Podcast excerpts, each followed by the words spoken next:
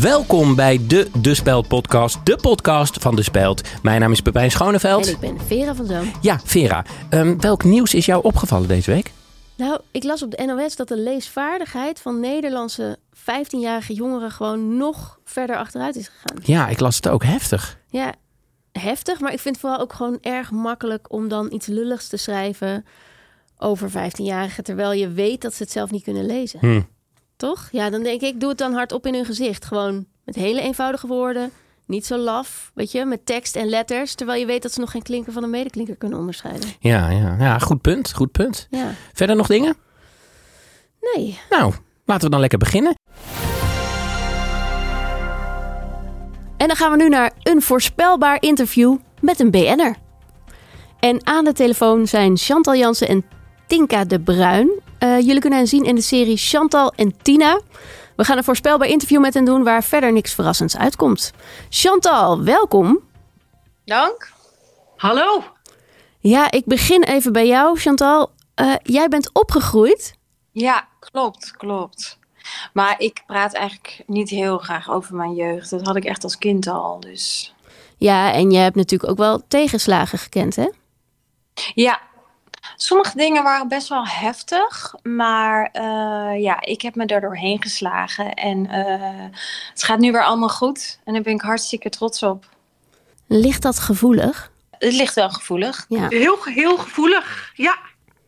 Ja, goed. En we hebben ook gesproken met een aantal van je collega's. En zij zeggen eigenlijk allemaal dat jij eigenschappen hebt. Eigenschappen, Ja. nou... Dat zou ik niet willen zeggen, maar er zijn eh, zeker dingen die mij kenmerken. Ja, dat herken ik wel. Ja, heb je een voorbeeld? Ik ontbijt vaak. Ik ontbijt Oh. ook heel vaak. Ik ontbijt vaak. Ja, hey, en iets anders dan, hè? Dat relletje van laatst. Spijt van? Het is zo opgeblazen in de media. De- Uiteindelijk was er helemaal niet zoveel aan de hand. En, en ik heb juist heel veel positieve reacties gehad. En we hebben ook met je management afgesproken dat we nog een vraag stellen over de goede doelen waar je bij betrokken bent. Dus eh, ja, zielig hè, zwerfkatten.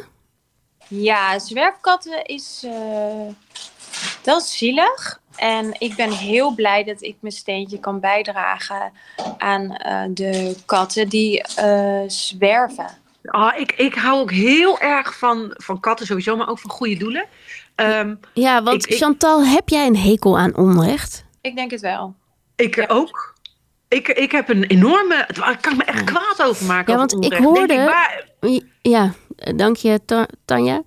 Eh, Chantal, ik hoorde dat je sinds kort eh, een drijfveer hebt. Klopt dat? ja. Een hele grote, grote drijfveer. En die Ja, en drijfveer... die, en die van, van jou, Chantal? Eh, ja, nou, van verschillende kanten werden we aangeraden om een drijfveer te hebben. En Mhm. het geeft mij gewoon enorm veel motivatie om met dingen door te gaan. En je houdt werk en privé graag gescheiden. Is dat bewust? Ja, dat is wel Ja. bewust. Ja. ja, volgens mijn eh, geliefde is dat belangrijk. En hij zegt, dat schijnt belangrijk te zijn voor de kinderen. Oh, Ja, ja. kinderen.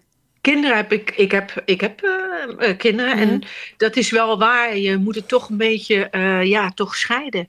Omdat ja, je precies. En, want heb jij ook vaak last van je bekendheid, Chantal? Er zijn zeker mindere kanten aan Roem. Eh, soms word je uitgenodigd voor podcasts waar je helemaal geen zin in hebt. Oké, nou laten we dan nu naar de echte reden gaan dat je hier zit. Eh, je nieuwe serie op Videoland promoten, genaamd Chantal en Tina. Ze spreken het zo goed uit, Chantal en Tina? Ja, ja. Ja, ja, maar dat wilde ik graag promoten, want Ja. anders hadden we hier natuurlijk helemaal geen tijd voor gemaakt voor dit interview. Eh, ja, het zijn nu op Videoland en het zijn allemaal, het is allemaal gebaseerd op waar gebeurde verhalen. Toch, Tien? Zeker, het is allemaal eh, waar gebeurd. Nou, ik wou eigenlijk, eh, we moeten volgens mij gaan afronden. Dus tot slot, Oh. eh, kun je nog iets diepzinnigs zeggen, dat, zodat we af kunnen ronden? Ehm, nou, ik zeg altijd, er is geen weg naar geluk. Geluk is de weg. Dat Ja, is van de nou- Dalai Lama, hè, Chantal? Ja, I know, I know. Eh, die, ja, die inspireert mij enorm. de Dalai Lama. Ja. Ik heb een keer geluncht met de Dalai Lama. Dat is Chantal. een hele tijd terug. Dank voor dit moment. En Hij wilde eh, een. Tanja, jij ook. Dank. Hij had een tosti, weet je misschien? Pepijn. Ja. Heb jij er wel eens over gefantaseerd om wereldberoemd te zijn? Ja, op zich wel, wie niet? Maar wat stel je daar dan bij voor? Nou, eh, dure auto, groot appartement, feesten met allerlei popsterren. eh, je kinderen gekke namen geven. Eh, hoezo? Ja, nou, ik heb deze week de biografie geluisterd van Matthew Perry. Ja. Oh, de- dat is die Friends-acteur, toch? Ja, Ja. ja. het heette Friends, Lovers en het grote verschrikkelijke ding. Nou, ik hoef niet meer beroemd te worden. Ik heb dat verlangen niet meer nu. Dus jij wil, jij wil geen 100 miljoen verdienen en een wereldster zijn? Nee, dat plan heb ik even in de koelkast gezet. Oh? Nee, eh, dat verhaal, het is... Je krijgt ook medelijden met hem. Het is zo leeg en tragisch. En nou ja, het gaat over succes en zelfdestructie. Hmm. Het is gewoon alles in elkaar. En je kunt het luisteren via Storytel. Oh. Ja, kan je duizenden verhalen onbeperkt luisteren. Ideaal voor deze donkere dagen. En dat kun je voor 30 dagen gratis uitproberen door te gaan naar story.tel slash de speld. Wauw, ga ik doen. Zeker. Dan gaan we nog even verder met onze vaste rubriek Mensen die het oneens zijn. Afgelopen week was de klimaattop in Dubai. Het is een bekend verhaal. De aarde warmt in rap tempo op met steeds meer rampen tot gevolg. Denk aan bosbranden en overstromingen. En de vraag is nu: slaat het klimaat niet door? Met andere woorden, is het klimaat niet te veel aan het drammen? Bij ons aan tafel klimaatcriticus Stijn de Leeuwen. Hallo. En klimaatliefhebber Linde van Heuvel. Yes, hallo. Om te beginnen met jou, Stijn. Waarom is het klimaat volgens jou aan het drammen? Ehm, nou, laten we vooropstellen eh, dat we er niet omheen kunnen dat het klimaat opwarmt. Dat is gewoon zo en dat erken ik ook. Maar hoe dat zich nu uit gaat echt alle perken te buiten. Nou, ik kan wel een voorbeeld geven. We hebben nu die hittegolf in Brazilië. Daar wonen hele gewone mensen die verder geen boodschap hebben aan het klimaat en de opwarming daarvan. Dus ik snap het idee om het onder de aandacht te brengen, maar voor de manier hoe dit nu gebeurt, sorry, maar daar heb ik absoluut geen begrip voor. Ja, oké. Helder. Linde, jouw reactie? Ja, nou ja, kijk, Stijn denkt kennelijk dat je mensen kunt overtuigen met wat extra zomerdagen of een keer hoog water in de Rijn. Maar het is 2 voor 12, Stijn. En dat betekent radicale acties, overstromingen, bosbranden en hongersnoden. Ja, de tijd van een beheersbare duinbrand bij Dwingelerveld is echt voorbij. Ja, dus even resume. Stijn, jij zegt eigenlijk de manier waarop is niet goed. Hè? Maar, maar wat zou dan wel een goede manier zijn? Nou, er zijn allerlei manieren om het op een leuke manier eh, duidelijk te maken. Een overstroming hier en daar, dat snapt iedereen. Je kan een overstroming in Bangladesh doen of in Zeeland. Ik bedoel, iedereen kan daar sympathie voor opbrengen. Maar aan de andere kant, we hebben het er nu wel over. Dus die actie zorgt wel degelijk voor aandacht, Ja, positieve ja, aandacht. Nee, maar niet op de goede manier. En dat is mijn punt. Mensen begrijpen dit soort acties niet. We hebben de bosbranden in Frankrijk gehad.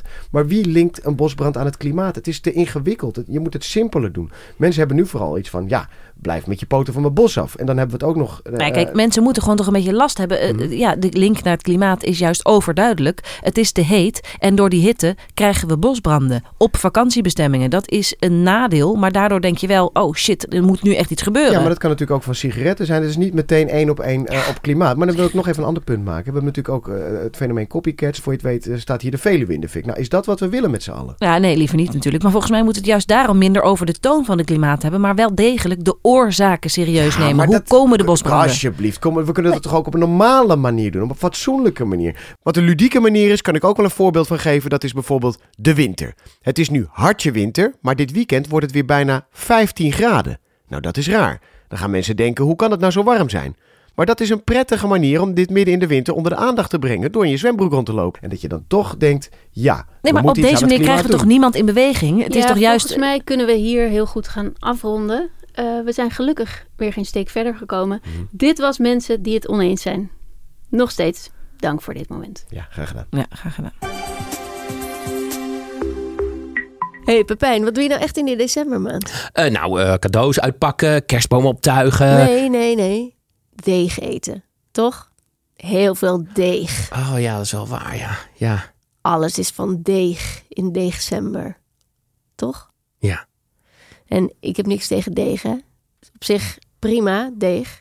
Maar je moet wel gewoon hydrateren, Oh ja. toch? Anders eindig je als deegbal. Dan stroomt het niet meer door. En, en hoe, hoe, hoe kan ik dat dan doen? Kijk, en dat is een hele goede vraag.